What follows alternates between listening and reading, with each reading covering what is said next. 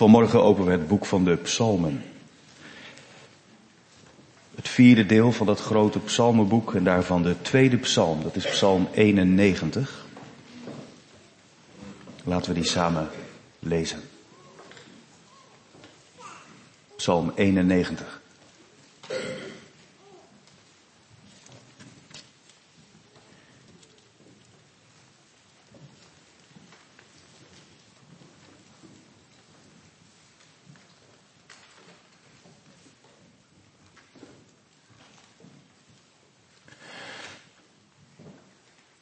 Wie in de schuilplaats van de Allerhoogste is gezeten,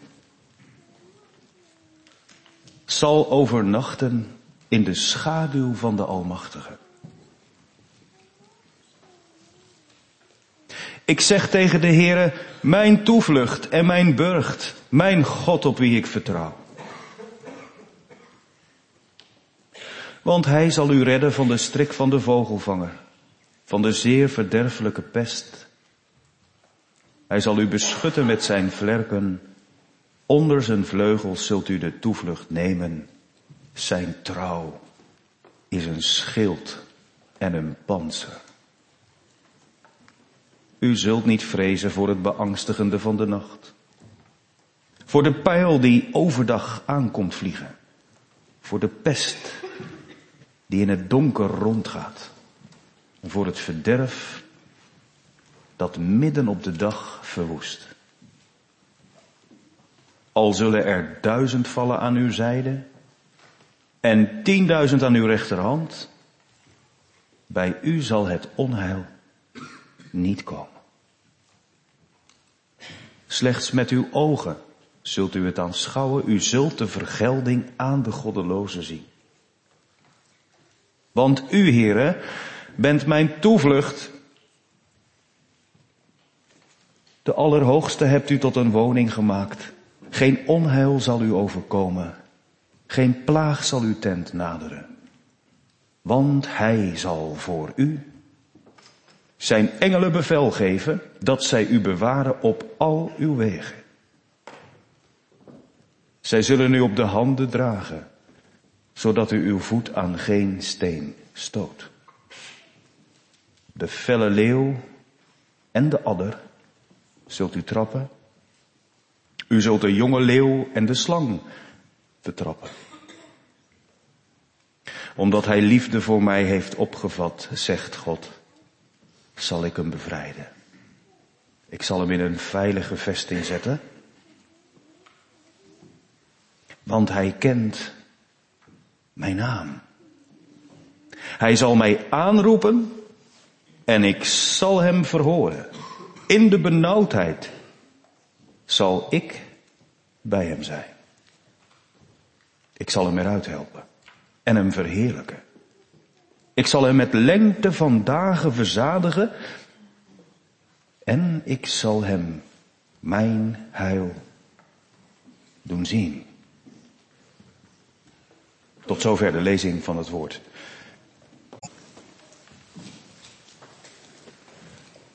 Tekst voor de verkondiging van morgen is het eerste vers van Psalm 91.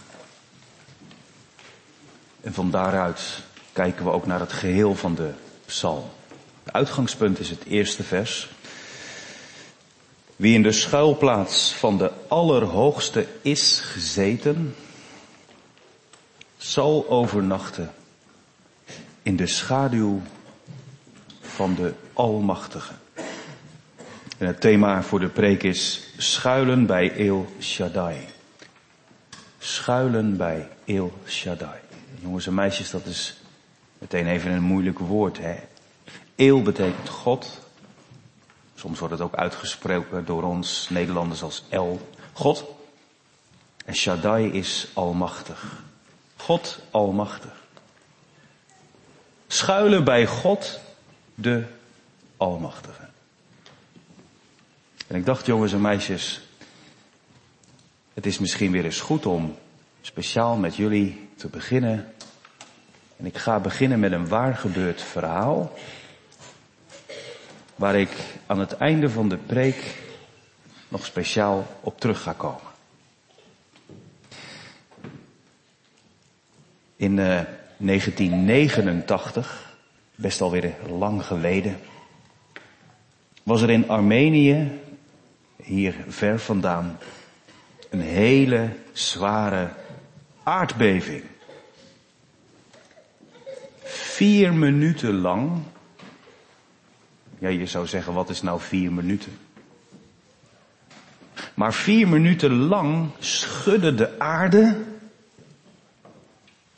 zo heftig dat er gebouwen instortten. En toen ze nadien gingen tellen hoeveel mensen het er niet hadden overleefd, hoeveel mensen er gestorven waren tijdens die aardbeving, waren dat er 30.000. 30.000 mensen gestorven. En het verhaal wat ik ga vertellen, dat gaat over een vader die na die vier minuten, toen de aarde niet meer trilde en beefde, als eerste aan zijn jongen dacht. Zijn zoontje. Zijn zoontje tegen wie hij had gezegd, Arman, Arman, doe goed je best op school. En papa zal er zo laat weer staan om je op te halen. En hij had Arman weggebracht. Hij was thuisgekomen. Kort daarna begon de aardbeving. Toen alles stil was, toen dacht hij als eerste aan Arman. En hij rende naar het gebouw de, van de school waar hij zijn zoontje had achtergelaten. En toen hij daar aankwam, zag hij dat heel de school was ingestort. Erg hè? Wat moet dat voor die papa zijn geweest? Hij keek naar het puin en in zijn hoofd kon hij alleen maar aan zijn zoontje denken. Het zal toch niet. Maar hij ging daar niet handen wringend staan bidden. Hij bad wel, maar hij deed zijn handen uit de mouwen. En hij ging met zijn blote handen steen voor steen en stuk puin voor stuk puin wegtrekken, alsmaar roepend, Arman, Arman, leef je nog? Waar ben je toch, jongen? Kwamen andere ouders bij. En die barsten in tranen uit en die begonnen al te rouwen. En die riepen, man houd toch op, dat heeft geen zin meer. Ontken het niet langer. We zijn onze kinderen kwijt. Je weet dat ze dood zijn. En op een gegeven moment werd hij zelfs door soldaten en hulpverleners aangesproken. Ze zeiden tegen hem, hou er toch mee op. Maar die vader weigerde dat. Hij bleef graven. Acht uur, zestien uur, 32 uur, 36 uur. Zijn handen waren kapot. Hij kon niet meer. Maar hij gaf niet op. En toen, na 38 bange uren en heel hard werken, trok hij een stuk steen van zijn plaats en hoorde hij de stem zoals hij hem nog nooit gehoord had van zijn zoon. Papa. En hij begon nogmaals de naam van zijn kind te roepen, Arman, Arman. En toen iets luider dan daarvoor, papa, ik lig hier.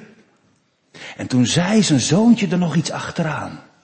Papa, ik ben hier, maar er zijn nog een paar kinderen bij mij, die leven nog. En ik heb tegen ze gezegd dat ze zich geen zorgen hoefden te maken. Ik heb gezegd, want ik heb een vader die doet wat hij zegt. Ik heb een vader die is zo sterk, die is zo trouw. Als die nog leeft, dan komt hij ons allemaal halen, allemaal redden.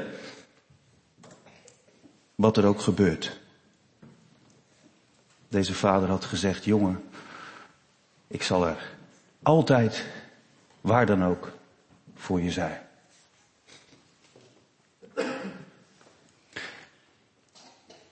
Wat mooi hè? Als je zo'n vader hebt. En wat bijzonder als je als aardse vader daarmee iets mag laten zien van wie God is.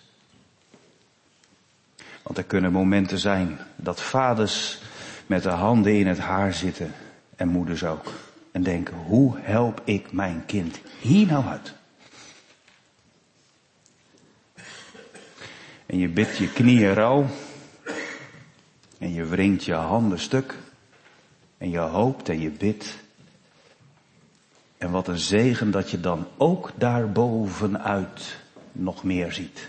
Nog meer weet. De God van Israël leeft. En hoe vaak mensen ook hoofdschuddend hebben gedacht, God stop toch met dat volkje, dat redt het niet. Moet je kijken, zoveel vijanden, zoveel angsten, zoveel narigheid, zoveel tegenstand, zo miniem. Maar El Shaddai, de Almachtige, komt altijd terug op wat hij heeft beloofd. En ik kom straks terug op het verhaal. Ja, En dan probeer ik het te verbinden met deze psalm. Ja, voor de ouderen en de oudere jeugd dan meteen die verbinding met deze psalm is misschien best wel ver gezocht, toch? Eigenlijk klopt het helemaal niet. Als, als, als we uit dit verhaal moeten leren dat God ons in de puinhopen opkomt zoeken en, en bereid is vuile handen te maken en, en er alles aan doet om ons te redden, dat staat toch haaks op Psalm 91. Wie in de schuilplaats van de Allerhoogste is gezeten, zal overnachten in de schaduw van de Almachtige. Wat betekent dat? Dat hij zijn vleugels over je uitspreidt.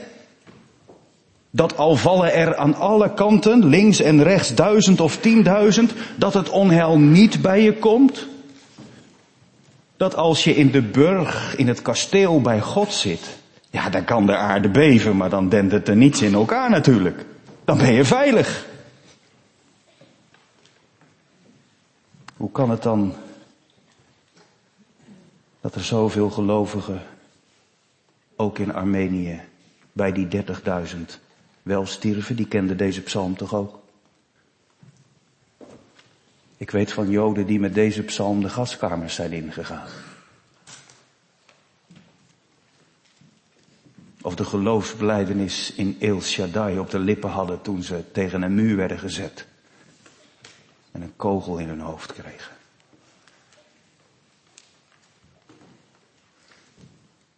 Is dat niet zingen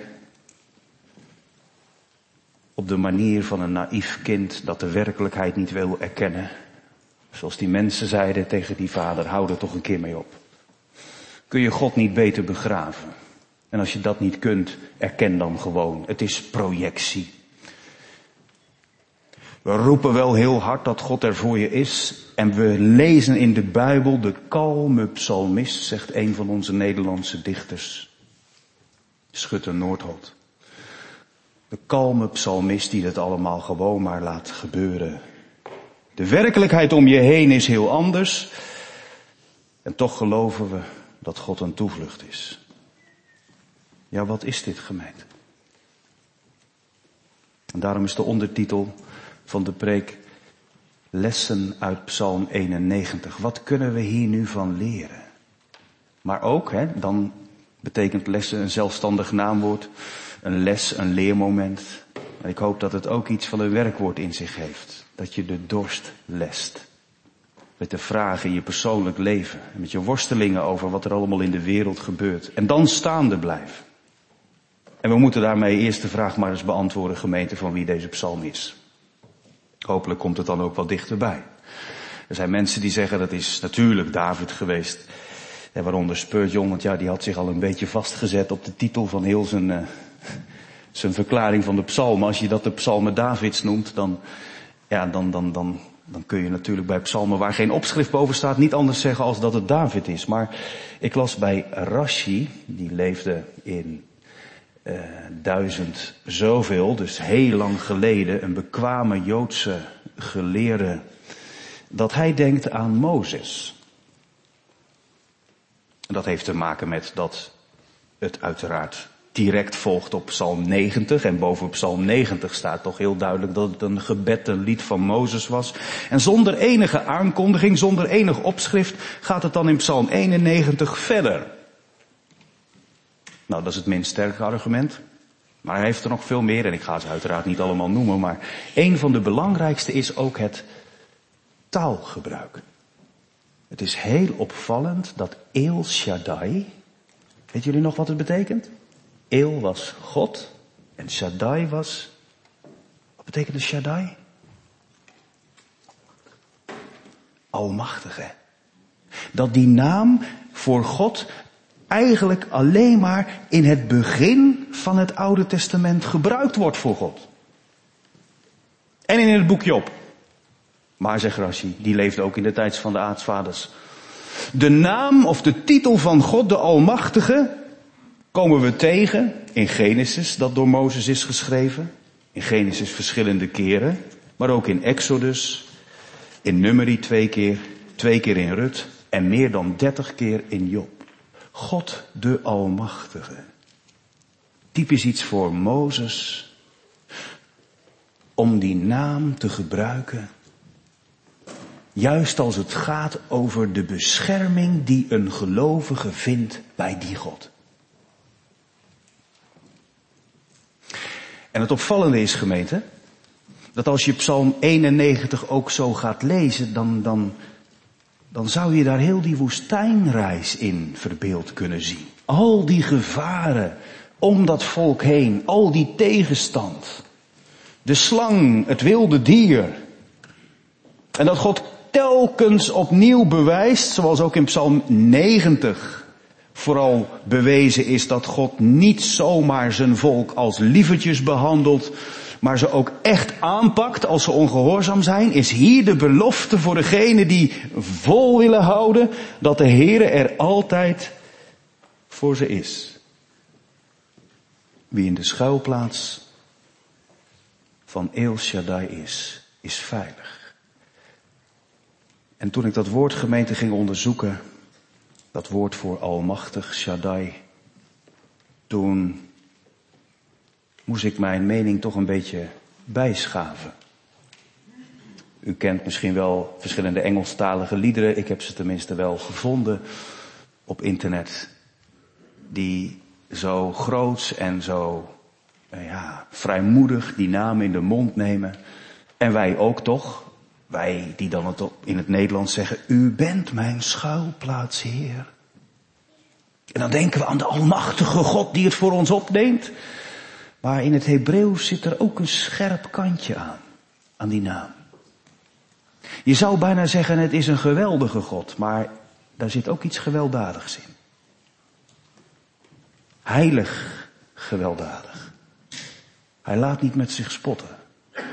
Zijn macht is niet zomaar te kies en te keur even in te roepen of voor je eigen karretje te spannen. En wie God tegenkrijgt, die brandt zijn vingers en die wordt belemmerd.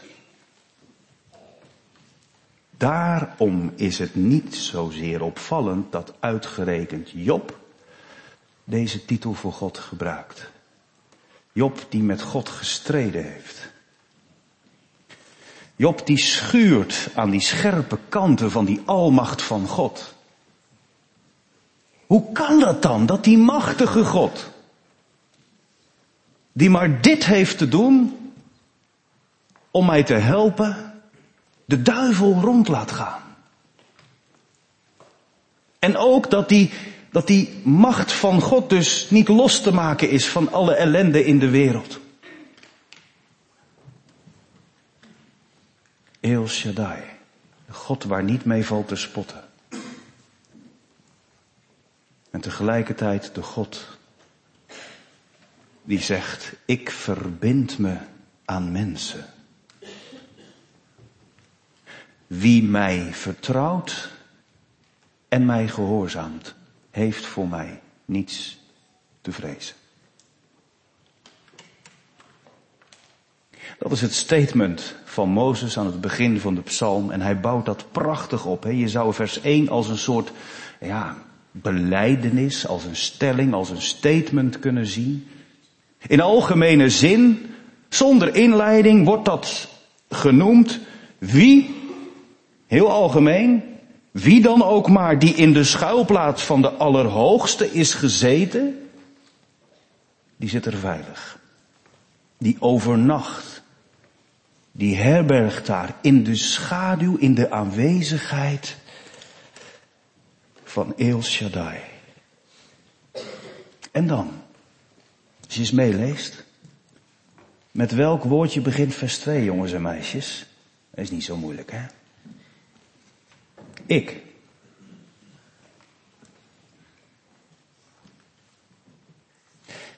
Ik zeg tegen de Heere, de verbondsnaam van God, heel persoonlijk, zijn naam. Ik zeg tegen de Heere mijn toevlucht en mijn burcht, mijn God op wie ik vertrouw. Lessen uit Psalm 91. Is dat niet wat de eeuwen door bij Israël, maar ook tot op de dag van vandaag bij ons plaatsvindt?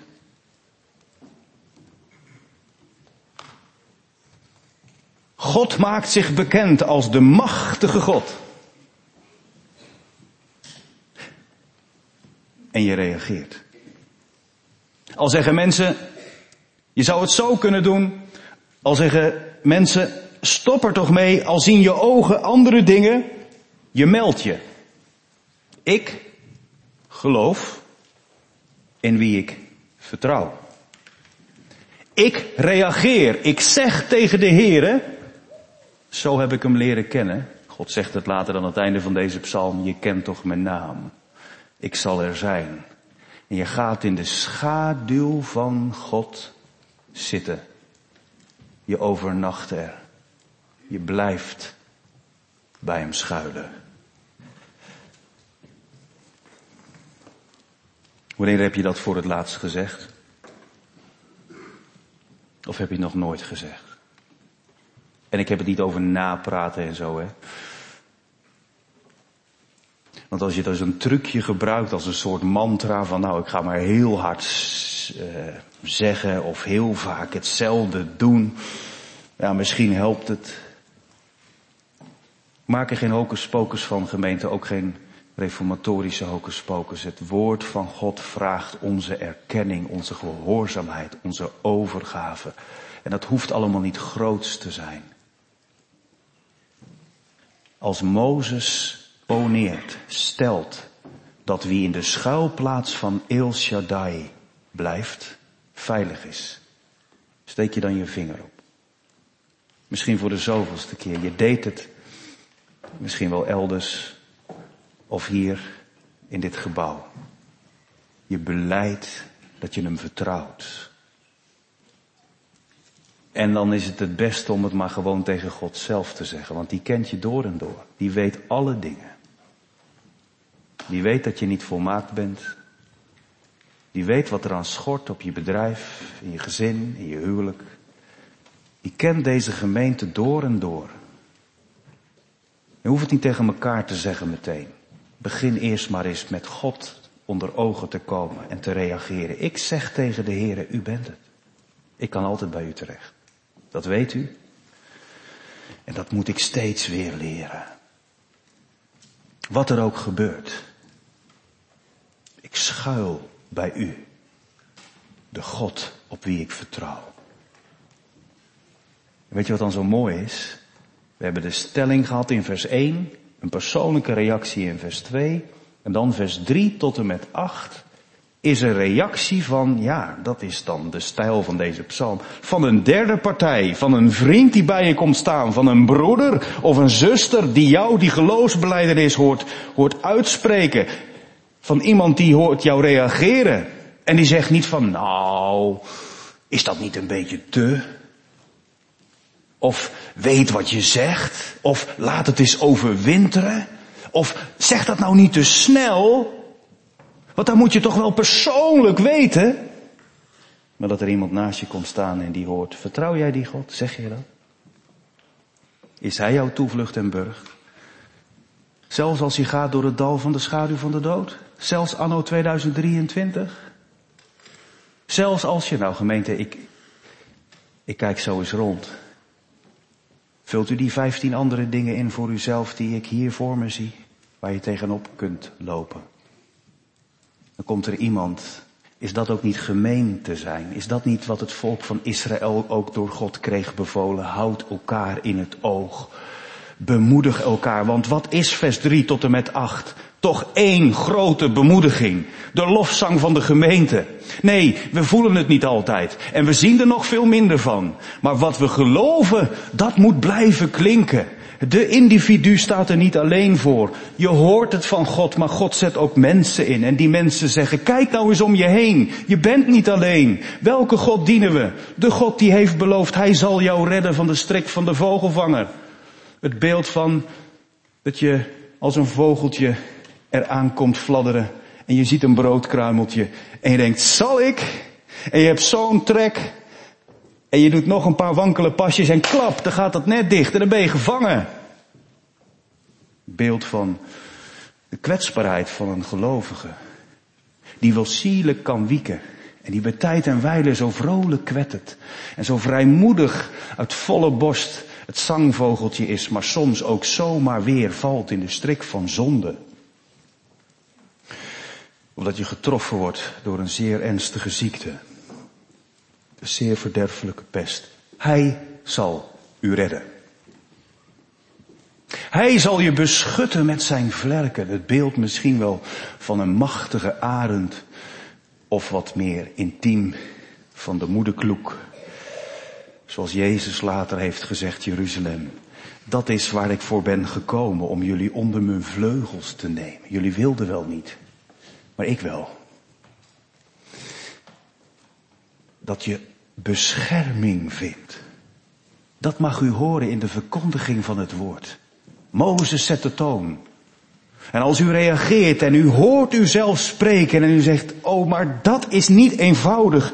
Hoor het dan nog eens, die hele lofzang, die waterval in vers 3 tot en met 8 over wat God dan doet. Hij is trouw. Zijn trouw is voor je een schild en een panzer. Je hoeft niet bang te zijn voor het beangstigende van de nacht en voor de pijl die overdag aankomt vliegen. Voor ziekte die in het donker rondgaat. Voor het verderf dat je midden op de dag verwoest. En dat kan heel letterlijk zijn. Hoe vaak is Psalm 91 niet en vooral dat zinnetje, het verderf dat midden op de dag verwoest.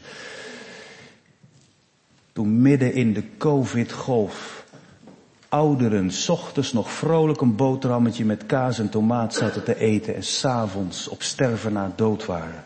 Midden op de dag, van het ene op het andere moment ziek. Het verderf. En Mozes heeft ongetwijfeld gedacht aan alle gevaren, zei ik al, in het woestijnleven. Hoeveel zijn er niet gevallen? Tienduizenden. Maar bij u zal het onheil niet komen. Dominee, hoe zit dat? Mozes, is dat niet te veel gevraagd? Is dat niet waarom sommige mensen afhaken in de kerk? Omdat ze niet langer kunnen volhouden dat wat ze nog niet zien, maar wat ze wel blijven bezingen. Bij u zal het onheil niet komen. Hoe zit dat nou?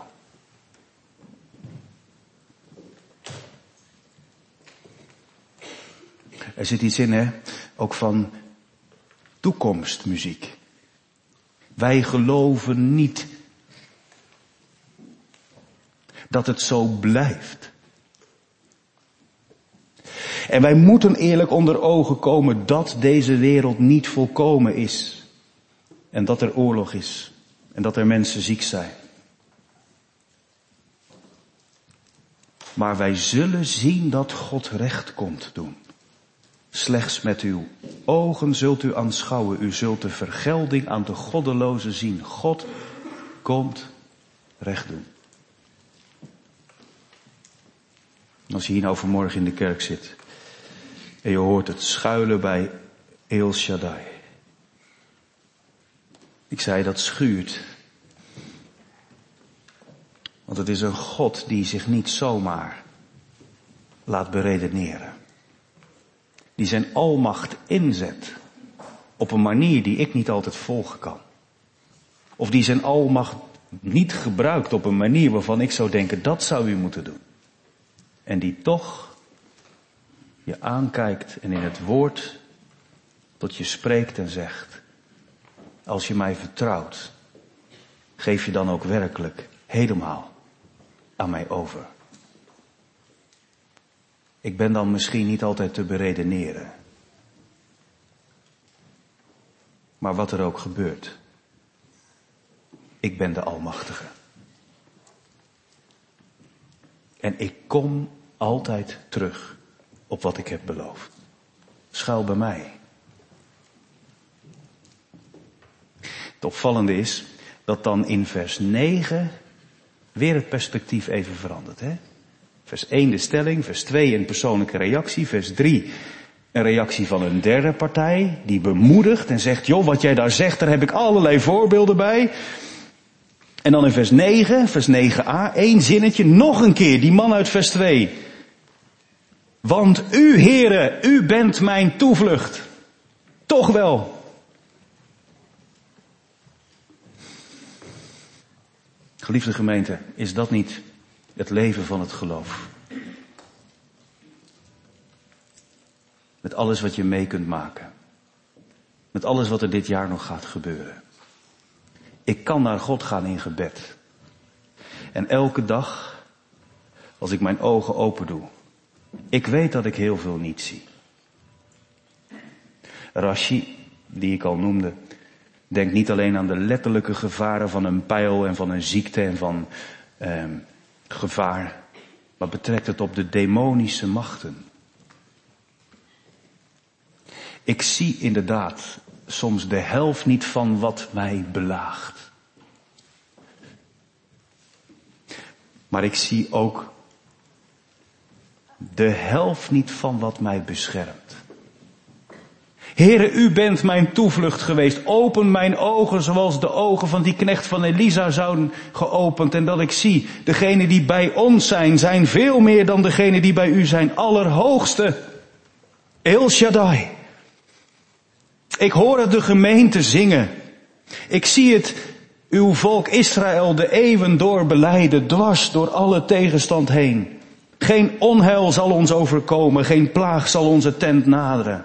Natuurlijk, daar is Auschwitz geweest. En natuurlijk, er zijn vele christenen gestorven. De marteldood. Maar dat neemt helemaal niet weg dat je te midden van het doodgaan de Heere dichtbij hebt. Dat Hij zijn engelen gebiedt die je zullen bewaren. Geliefde gemeente, u kunt uren discussiëren over hoe ziet een engel eruit. En is dat vandaag nog wel het geval?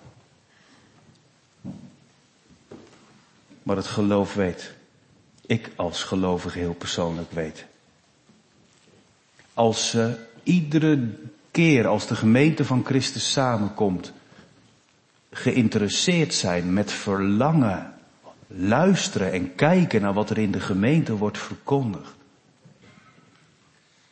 zouden ze dan ook niet 24-7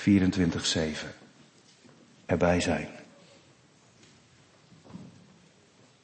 Is dat niet het geloof? Heren,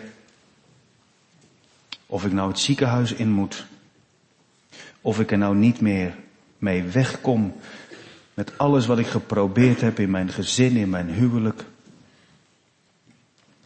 Ik sta er niet alleen voor. Naast de gemeenschap der heiligen is er het hemelse heerleger van uw engelen. Doe er vrijmoedig een beroep op gemeente. En verwacht niet dat er een lichtende persoon aan de deur staat. Maar dat u, hoewel u niet ziet, u de gevolgen ervaart van Gods bemoeienis. Hij de Almachtige op wie ik vertrouw. En dat resulteert niet altijd in beter worden. En dat resulteert niet altijd in heling hier. En soms gaat dat dwars door de dood heen. Dat is gebleken. Maar het feit dat deze oude, oude, oude psalm dat lied bezingt, wat op de dag van vandaag helemaal waar is, is toch het bewijs dat God te vertrouwen is. Wat er ook gebeurt. U bent mijn toevlucht. Nou, nadat die engelen beloften worden genoemd in vers 10 tot en met 13, is daar ineens vanaf vers 14 tot slot nog een verandering in de psalm. Ineens verandert het perspectief. Mozes heeft iets gesteld in vers 1. Er is een persoonlijke reactie geweest in vers 2. Dan volgt er een refrein van iemand die bemoedigt. Weer een persoonlijke reactie in vers 9. Weer een refrein. Maar dan, vanaf vers 14, komt God zelf aan het woord. De Almachtige. Die zegt tegen degene die de toevlucht neemt bij de Heere. Omdat jij liefde voor mij hebt opgevat zeg ik, zal ik je bevrijden. Dat is de Bijbelgemeente. Omdat God ziet dat degene die Hem vertrouwt, Hem lief heeft. Dat is toch geloof? Al kun je het niet altijd beredeneren. Al zegt de hele wereld dat je gek bent. Ik heb Hem lief. Ik vertrouw hem. Het komt goed. En God hoort dat. En die zegt, ik zal je bevrijden. Ik zal je eruit helpen. Ik zal je verhogen. Ik zal je verheerlijken. Hier zien we daar soms al iets van. Als het langs de rand van de dood toch genezing wordt. Als een huwelijk bijna knapt en toch wordt geheeld. en alle andere voorbeelden. Maar de volmaakte verheerlijking van Israël en van allen die erbij toegevoegd zijn uit de heidenen, de volmaakte verlossing, die we dan echt zullen gaan zien, het eindpunt van de hoop, het einddoel van de hoop, dat is als je met lengte van dagen verzadigd wordt. En het lichaam nooit meer protesteert. Hij belooft, ik zal hem, ik zal jou mijn heil doen zien. Het voorproefje kwam, met eerbied gesproken, uit de afgehouwen tronk van Isaïe. Verscheen een Messias waar Israël zich in eerste instantie op verkeek. Die hing aan een kruis, met uitgebreide armen. We hebben al iets van Gods redding gezien. Dat is de basis van alles waarom wij weten, de dood is al overwonnen. En de vrede die komt met de vredevorst terug op de aarde. Hij heeft Gods redding laten zien. En de almachtige God, de geweldige God, de God die een heilig vuur in zich heeft waar niet mee valt te spotten kwam naar de aarde. En Jezus zei, wie mij gezien heeft, heeft El Shaddai gezien. En hij gaf in de gloed van Gods toren zijn leven. Zodat mensen die geloven weten, zo betrouwbaar is God, dat hij het allerliefste wat hij had voor mij overgaf, zodat ik weet, er komt een dag dat hij weer terugkomt op de wolk gebeurde eens in Lunteren. Dat er een complete kippenschuur, en dat zijn geen kippenhokjes daar, hè. Een complete kippenschuur afbrandde. Dat deed wat met die kippenboer. Niet alleen financieel, maar hij was christen en hij leed aan dat lijden van de schepping. Toen kwam er een familielid bij hem op bezoek. En die zei, misschien is het goed dat je nu toch meegaat naar buiten en onder ogen komt wat er is gebeurd. Dat is toch goed om het te verwerken. Dus ze liepen samen door dat verbrande gebouw, althans dat wat er van over was. Overal lagen verkoolde lijkjes. En die boer die stapt door die lijkjes heen. En op een gegeven moment schopt hij per ongeluk met zijn klomp tegen één zoon. Verbrande moederkloek. En mits dat hij dat doet, schieten er een paar kuikentjes tevoorschijn. De moederkloek was in de hitte van het vuur met haar vleugels op haar kindjes gaan zitten. Het kostte haar haar leven. Maar een paar hadden het gered. Die van haar waren. Christus Jezus is gekomen en laat zien. Ik voor jou, daar je anders de eeuwige dood had moeten sterven. Ik ben je toevlucht. Ik ben je redder. En zelfs bij Israël bad hij niet alleen voor de beulen, maar ook voor zijn volk. Vader, vergeef het hun, want ze weten niet wat ze doen. En toen ze wisten wat ze hadden gedaan met Pinksteren en hun zonde beleden, kwamen ze tot geloof en bekering. En zal Israël zich bekeren. Gemeente, ik eindig zoals ik de kinderen beloofd had. Met dat verhaal van dat jongetje dat gered werd door zijn vader. Vanmorgen heb je gehoord. Ik begrijp God niet altijd. Waarom er aardbevingen zijn. Waarom er mensen sterven. Waar ik van houd. Maar één ding weet ik wel. Zoals die vader er alles aan heeft gedaan. Om in de puinhopen zijn kind te redden. Zo heeft God zijn eigen zoon gegeven. En zo heeft Jezus de redding bewerkt. Zodat wij kunnen zingen. Het lied wat ik bij de voorbereiding van de preek tegenkwam. Verberg mij nu. Onder uw vleugels, Heer. Houd mij vast in uw sterke hand. Als de oceaan haar krachten toont, zweef ik met u hoog boven de storm. Vader, u bent sterker dan de vloed. En dan word ik stil. U bent mijn God. Vind rust, mijn ziel, in God alleen. Als de oceaan haar krachten toont. Vader, u bent sterker dan de vloed. U bent El Shaddai, mijn God, die ik vertrouw. Amen. We gaan met elkaar zingen uit Psalm 46 als antwoord op de verkondiging. 46 vers 1 en ook vers 3.